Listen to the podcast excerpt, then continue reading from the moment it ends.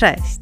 Nazywam się Aleksandra Inszewska-Cardone i zawodowo zajmuję się historią sztuki. W podcaście dzielę się moją wiedzą o sztuce dawnej, zwłaszcza tej powstałej w Niderlandach, czyli dzisiejszej Belgii i Holandii. Otulina o sztuce to również okazja, by zatrzymać się w codziennym biegu i wsłuchać w opowieść dającą wytchnienie. A jeśli podoba Ci się ten podcast, możesz go wesprzeć za pośrednictwem serwisu Patronite, wpisując tam Otulina o sztuce. Muszę przyznać, że nagrywając ostatni odcinek, nie myślałam, że tak szybko zostanę wywołana do tablicy, jeśli chodzi o twórczość Hieronima Boscha. Wielu z Was zwróciło się do mnie z nieśmiałym pytaniem, czy może można byłoby trochę więcej opowiedzieć o tym artyście i przybliżyć jego dzieła. Myślę, że wielu z Was nie muszę tłumaczyć, dlaczego temat ten dosyć mnie przeraził, ponieważ Hieronymus Bosch, czyli Hieronim Bosch, jest artystą niezwykle tajemniczym, o którym zachowało się niewiele takich pisanych przekazów w związku z zamówieniami, w związku z jego życiem, a przede wszystkim w związku z tym, jak odczytywać jego kompozycje, zwłaszcza te, z którymi jest najbardziej kojarzony, czyli te o najbardziej niespotykanych e, zestawach symbolicznych, o tematyce, która daleko wykracza poza taką standardową e, koncepcję dzieł religijnych, e, dzieł o tematach alegorycznych, symbolicznych, które na pewno, jak wiecie, pobudzają do rozmaitych interpretacji, których jest bardzo dużo, a brakuje podstaw takich e, archiwalnych, podstaw źródłowych, żeby można było któremuś z badaczy przyznać rację i raz na zawsze rozwiązać tajemnicę Boscha. I jak bardzo nie byłabym onieśmielona myślą o tym, że mam o nim opowiedzieć, to postanowiłam, że rzucę się na głęboką wodę i wybiorę dla Was jeden z najtrudniejszych obrazów, czyli tryptyk Ogrodu Rozkoszy Ziemskich, który obecnie znajduje się w Prado w Madrycie. Aby jakoś ułatwić sobie początek, opowiem Wam najpierw o tym, co widać na obrazie i to, co o nim już wiadomo, chociaż e, jest to, tak jak Wam mówię, tylko część wiedzy, którą chcielibyśmy posiadać, ażeby móc e, opowiedzieć o tym dziele szerzej, głębiej i poczuć, że na 100% je rozumiemy. Zgodnie z dzisiejszym stanem wiedzy, zamawiającym był Engelbert II Nassau, który był arystokratą, posiadał swój pałac w Brukseli, ten pałac już dzisiaj nie istnieje i kilkukrotnie był z wizytą w mieście, w którym tworzył Bosch, a może powinnam Wam tutaj powiedzieć, że Bosch rodowo nazywał się Hieronymus van Aken, ponieważ jego rodzina najprawdopodobniej pochodziła z Aachen. My nazywamy po polsku to miasto Aquisgranem. I pomimo tego, że wiele pokoleń wstecz jego pradziad przybył do Niderlandów, to wciąż w nazwisku rodowym to miejsce pochodzenia utrzymało się. Natomiast Hieronymus w którymś momencie zmienił właśnie ten sposób, jaki się określał i nazywał się Hieronymusem Boszem. Prawdopodobnie należy tutaj przypuszczać, że ma to związek z miejscem, w którym mieszkał, wówczas nazywanym Bosch.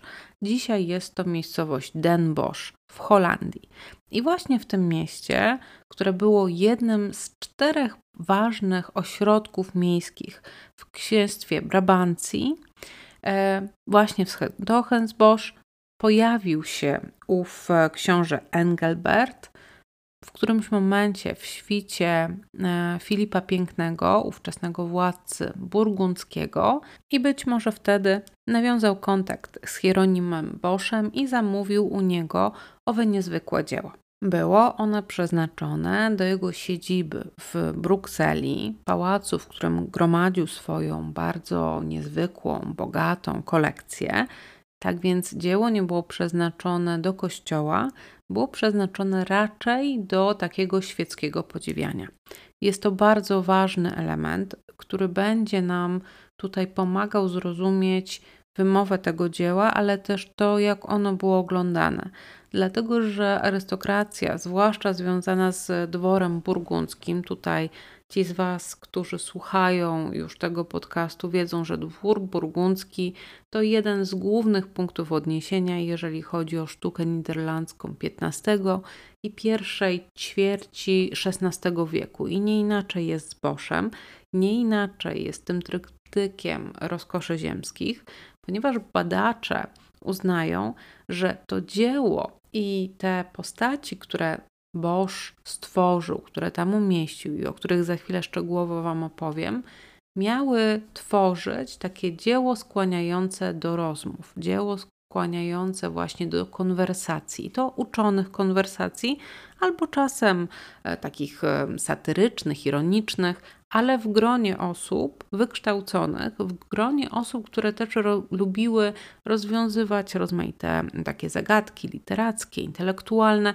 no przede wszystkim służyły do tego, że kiedy zgromadzi się kilka osób, e, mogą one próbować rozwiązać coś w rodzaju rebusu.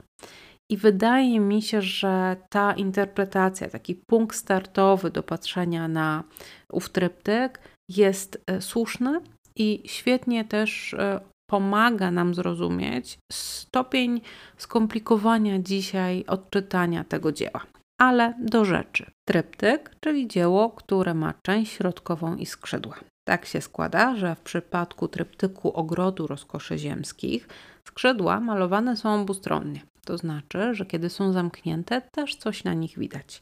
I tam e, umieszczony jest bardzo ciekawy motyw ikonograficzny, który malowany jest en grisaille i to jest malowanie w szarościach, tak zwane, zakorzenione też w tradycji malarstwa niderlandzkiego, już chociażby od Van Eycka, e, które tutaj jest tak ciekawie pomyślane, ponieważ kiedy tryptyk był zamknięty, nic nie zapowiadało tego, co kryje się w środku tego wybuchu barw, kolorów, postaci.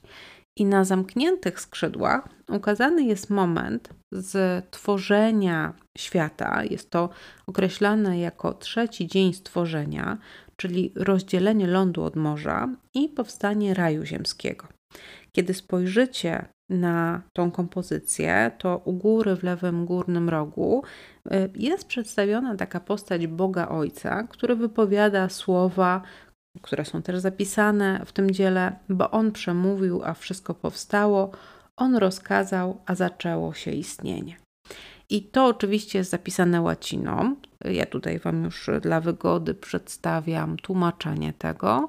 Mamy taki glob ziemski, taką sferę tak naprawdę, bo to nie jest glob ziemski, bo Ziemia tutaj ukazana jest jako taki płaski dysk umieszczony wewnątrz e, sfery, a na lądzie pokazane są zarysy jakichś wzgórz, gór, lądów Ziemi.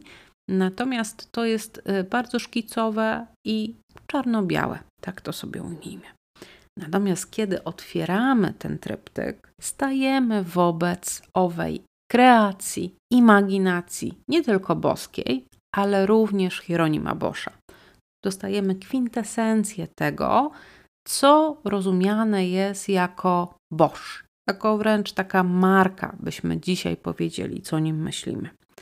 Na skrzydle lewym ukazany jest e, raj ziemski, e, w którym widzimy Boga Ojca o, o twarzy Chrystusa, który przedstawia Ewę Adamowi. Jest to temat rzadziej spotykany w malarstwie.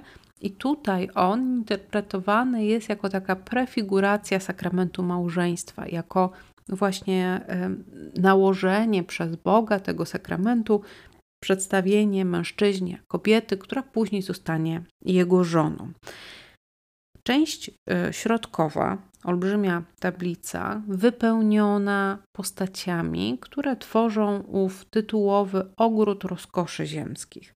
I tam dzieją się przeróżne sceny o takim karnalnym, cielesnym wymiarze e, małżeństwa też. Niektórzy tutaj właśnie budują taki pomost e, w wymowie tych i połączeniu tych dwóch scen.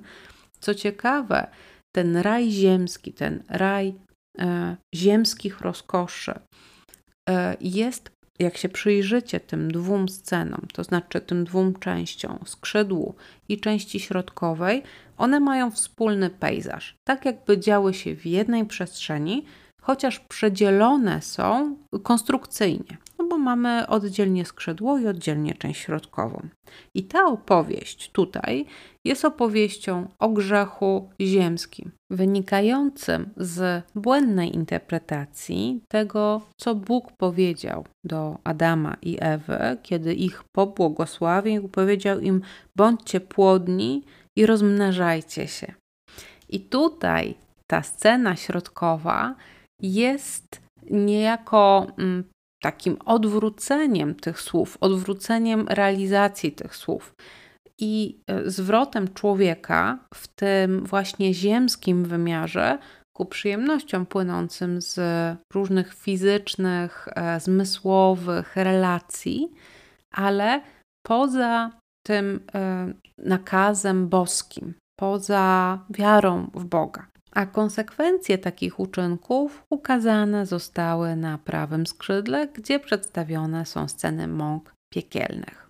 Zatem możemy śmiało powiedzieć, że tematem tej środkowej, wewnętrznej opowieści owego tryptyku jest grzech. I chociaż na skrzydle lewym nie mamy do czynienia, jakbyśmy mogli się tutaj spodziewać, z ukazaniem grzechu pierworodnego, czyli momentu, kiedy Ewa, kuszona przez węża, czyli diabła, sięga po jabłko z drzewa poznania dobrego i złego i przekazuje je Adamowi, tego nie mamy. Mamy tą scenę, o której Wam mówiłam, czyli Boga przedstawiającego Ewę Adamowi, ale artysta umieścił też już w tej rajskiej, prawdziwie rajskiej przestrzeni, symbole, takie mm, wskazówki na to, że już tam też istnieje zło, istnieje e, diabeł, istnieje szatan. I jak przypatrzycie się całej tej kompozycji, to na samym środku znajduje się taka bardzo mm, niesamowita konstrukcja, która jest fontanną. Jest to fontanna czterech rzek, które miały wypływać z raju. I tam w środku umieszczona jest sowa. Wbrew temu, do czego jesteśmy przyzwyczajeni, sowa nie była znakiem mądrości, tylko była wówczas znakiem na odwrót głupoty, ponieważ jak e, nakazywałby rozsądek, nie lata w ciągu dnia i nie poluje w ciągu dnia, tylko w ciągu nocy, gdzie przecież nic nie widać, a zatem musi być stworzeniem ciemności, podwładną niejako szatana. Więc tutaj to jest ten symbol i ta sowa nam się pojawia w kompozycji jeszcze w kilku miejscach. Po drugie, na jednym z drzew, tam w środkowym planie, po lewej stronie w tej kompozycji, zobaczycie już wijącego się węża. On jeszcze nie jest e, tutaj zaangażowany w akcję z Adamem i ale już mamy sygnał, że jest obecny w tym raju. Więc ten raj ziemski, ten raj, w którym Adam i Ewa zostali umieszczeni przez Boga, jest już poddany temu działaniu grzechu, e, działaniu złego, tak to określmy. Natomiast w pełni rozwija się e, opowieść w tej scenie środkowej. Co ciekawe, badacze rozpoznają w dwóch postaciach, które znajdziecie naprawdę wręcz ukryte w prawym dolnym rogu tej części środkowej, w takiej jamie niejako, wychodzących z tej jamy, Adama i Ewę. Tak jakby oni wychodzą stamtąd po wygnaniu z raju, niejako wchodzą w tą rzeczywistość naznaczoną grzechem pierworodnym, w tą niejako, którą ich decyzje stworzyły. I teraz, pomimo tego, że takim nadrzędnym grzechem, oczywiście w tym y, ogrodzie rozkoszy ziemskich, jest grzech rozwiązłości, który jest tu prezentowany na wszelkie możliwe sposoby, to badacze również dopatrują się znaków, symboli siedmiu grzechów głównych, które mają właśnie na tej rzeczywistości ziemskiej żerować, mają być realizowane przez postaci, które tutaj widzimy. Takimi nośnikami tych e, reprezentacji miałby być korowód, który zobaczycie w centrum e, kompozycji, w takim kole, pochód jeźdźców na różnych dziwnych stworzeniach, którzy jadą, e, kręcą się wokół takiego stawu, w którym są nagie kobiety. I te postaci, te grupy tych jeźdźców są ogólnie określane jako właśnie reprezentacje tych siedmiu grzechów głównych. Ale co ciekawe, bardzo dużo jest w tej kompozycji również przedstawień truskawki. I teraz wyobraźcie sobie, że sam tytuł, który no dzisiaj jest takim tytułem kanonicznym do dzieła, które jest wręcz kanoniczne dla samego Boscha, czyli ten ogród rozkoszy ziemskich, ten tytuł ukuty został dopiero w XIX wieku. Natomiast wcześniej samo dzieło nie miało takiego tytułu. Tutaj też warto pamiętać o tym, że dzieła w ogóle nie były tytułowane w taki kanoniczny sposób. To dopiero później przyszło. Natomiast e, ponieważ tematem tutaj jest e, owa przyjemność fizyczna, zmysłowa, to pojawianie się tych truskawek było również interpretowane przez odbiorców nieomalże współczesnych samemu artyście, kiedy to dzieło było opisywane, że ktoś je widział i opisywał, co widział na tym dziele, albo na przykład było gdzieś zapisywane w takich um, księgach, w rejestrach, takich księgach inwentarzowych, i tam było też opisywane. I właśnie przy opisywaniu E, tematu określano, że jest to właśnie ta zgubna, tymczasowa przyjemność fizyczna, która jest równie ulotna niczym smak truskawki. I ona, e, ta przyjemność tutaj fizyczna ma pozornie być motywowana tym wezwaniem przez Boga do bycia płodnym, ale w rzeczywistości prowadzi do, do piekła, prowadzi do rozwiązłości. I do tego stopnia ta wymowa tej ulotności smaku truskawki tutaj była zakorzeniona. No i oczywiście widok tych truskawek w kompozycji, że dzieło nawet było określane, pewnie tak potocznie, jako mm, e, obraz truskawki, obraz truskawkowy. Tutaj trudno jest mi to jednoznacznie przetłumaczyć, ale mm, wybijała się jak truskawka jako ten najważniejszy element w nazywaniu tego dzieła. Wszystkie te grzechy główne mają swoją karę, mają swoją odpowiedź w przedstawieniu piekielnym. Ale znowu, nie jest to typowa scena piekielna, którą zarówno współcześni Boscha by znali, albo my byśmy kojarzyli z tymi przedstawieniami niderlandzkimi z XV wieku, tylko znowu wypełniona jest rozmaitymi jego skojarzeniami, tworzeniem przez niego symboli, alegorii, ale wskazujących właśnie na to, jak ukarane zostają osoby, e, które kierowały się, czy też pozwalały sobie na realizowanie owych siedmiu grzechów głównych. I tak możemy zobaczyć, że ci, którymi w życiu kierowała chciwość, w piekle są pożerani przez takiego stwora o pysku, czy też o mm, ptasiej fizjonomii, siedzącego na stołku, który przypomina taki dziecięcy stołeczek. Może byśmy nawet to nazwali takim rozbudowanym nocnikiem, ponieważ nieszczęśnik, który jest zjadany przez owego stwora, natychmiast jest przez niego również wydalany, co oczywiście Bosch dosyć obrazowo pokazał. Obżarstwo z kolei ukazane jest wewnątrz takiego stwora o ludzkim ciele, ale mocno zdeformowanym. On jest nazywany takim człowiekiem drzewem ze względu na jego podobieństwo z rysunkiem, który wykonał Bosch i niektórzy nawet dopatrują się, że twarz tej postaci ma elementy autoportretu samego artysty, ale tutaj nie będę już to wchodziła, bo to jest kolejny temat do dywagacji. Natomiast wewnątrz tej postaci ukazana jest coś w rodzaju wnętrza tawerny. Tam przy stole zasiadają trzy nagie postaci, które obsługiwane są przez demony i karmione ropuchami.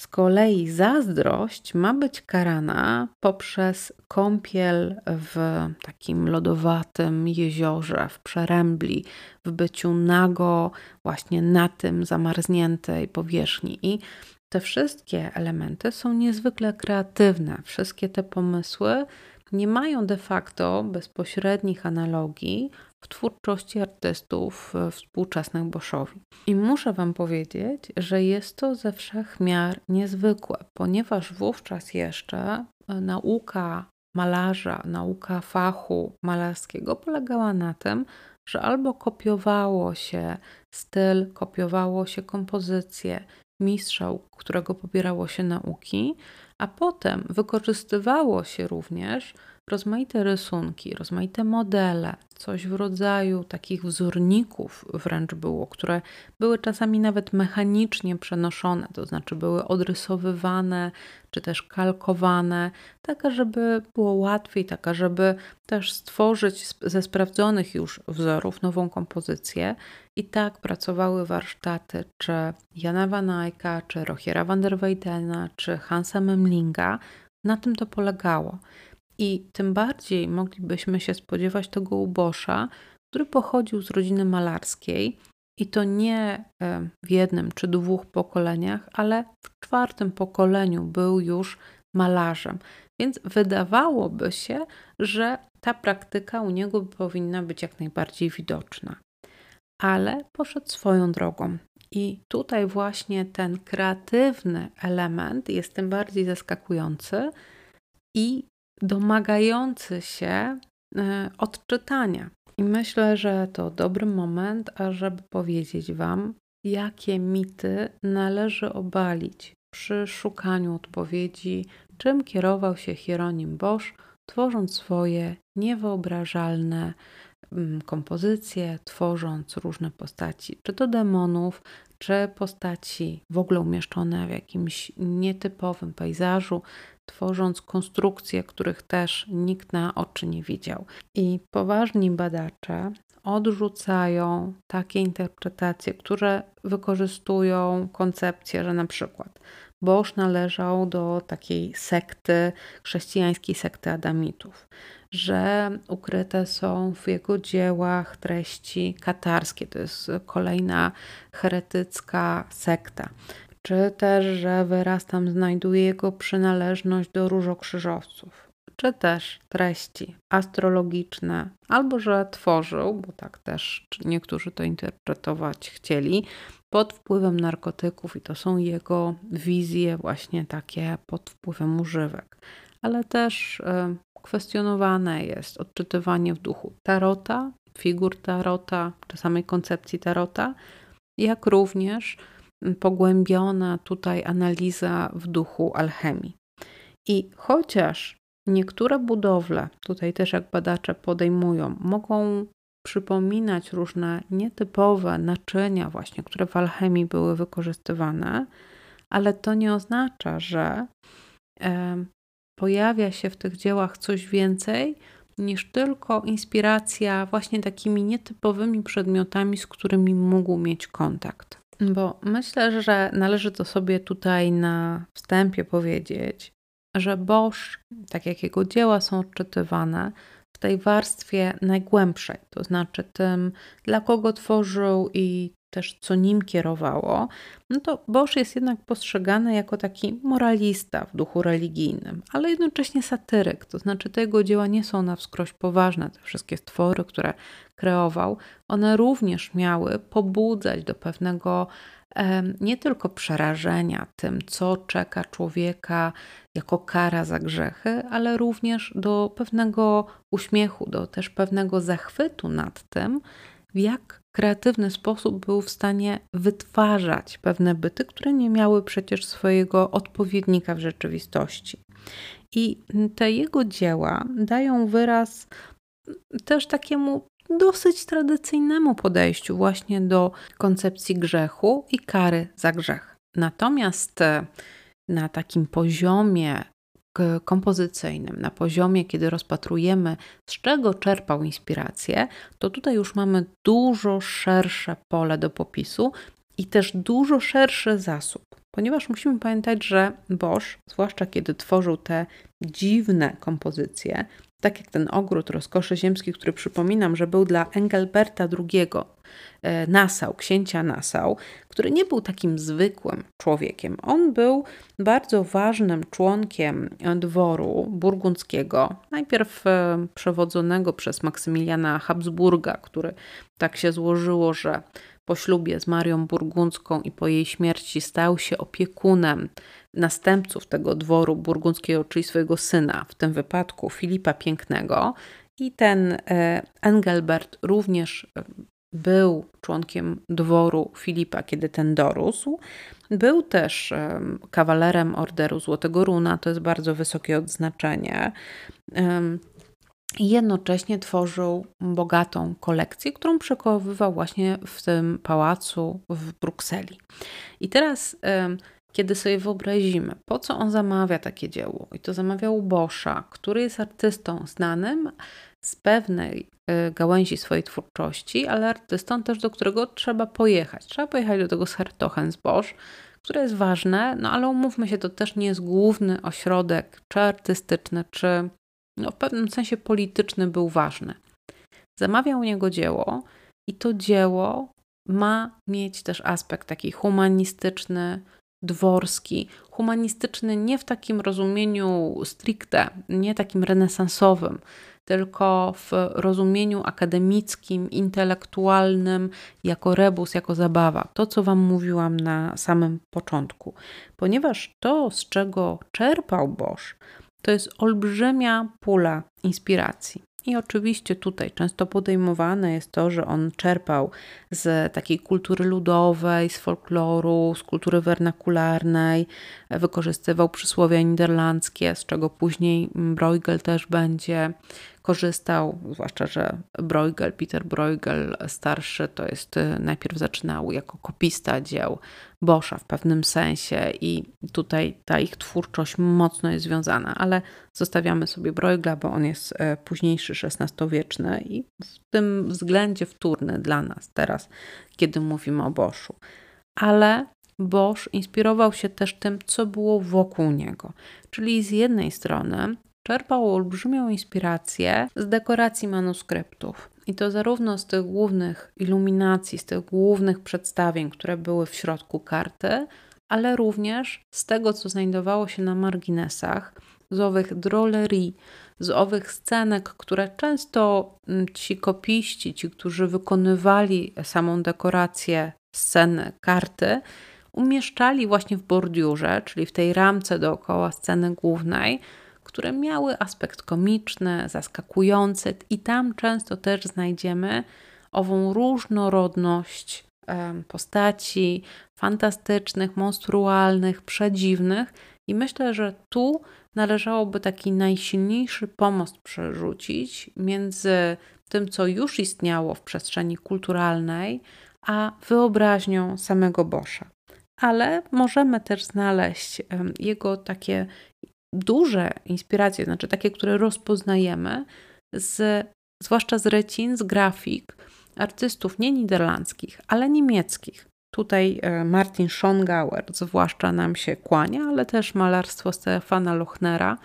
Badacze wskazują na to, że ta sztuka niemiecka może cały czas gdzieś jednak była bliska samemu rodowi Boscha. Tutaj przypominam, że to nazwisko rodowe to jest Van Aken, w związku z czym to jest z Niemiec, z Aachen, właśnie z tej miejscowości w Niemczech. I może tutaj dlatego te inspiracje były dużo silniejsze niż z tą sztuką niderlandzką. I też odnajdujemy takie bezpośrednie przełożenia, na przykład z reciny Martina Schongauera ukazującej ucieczkę do Egiptu, a tam w tle mm, obok e, Marii na osiołku ukazane jest nietypowe drzewo. No, jest nazywane smoczym drzewem.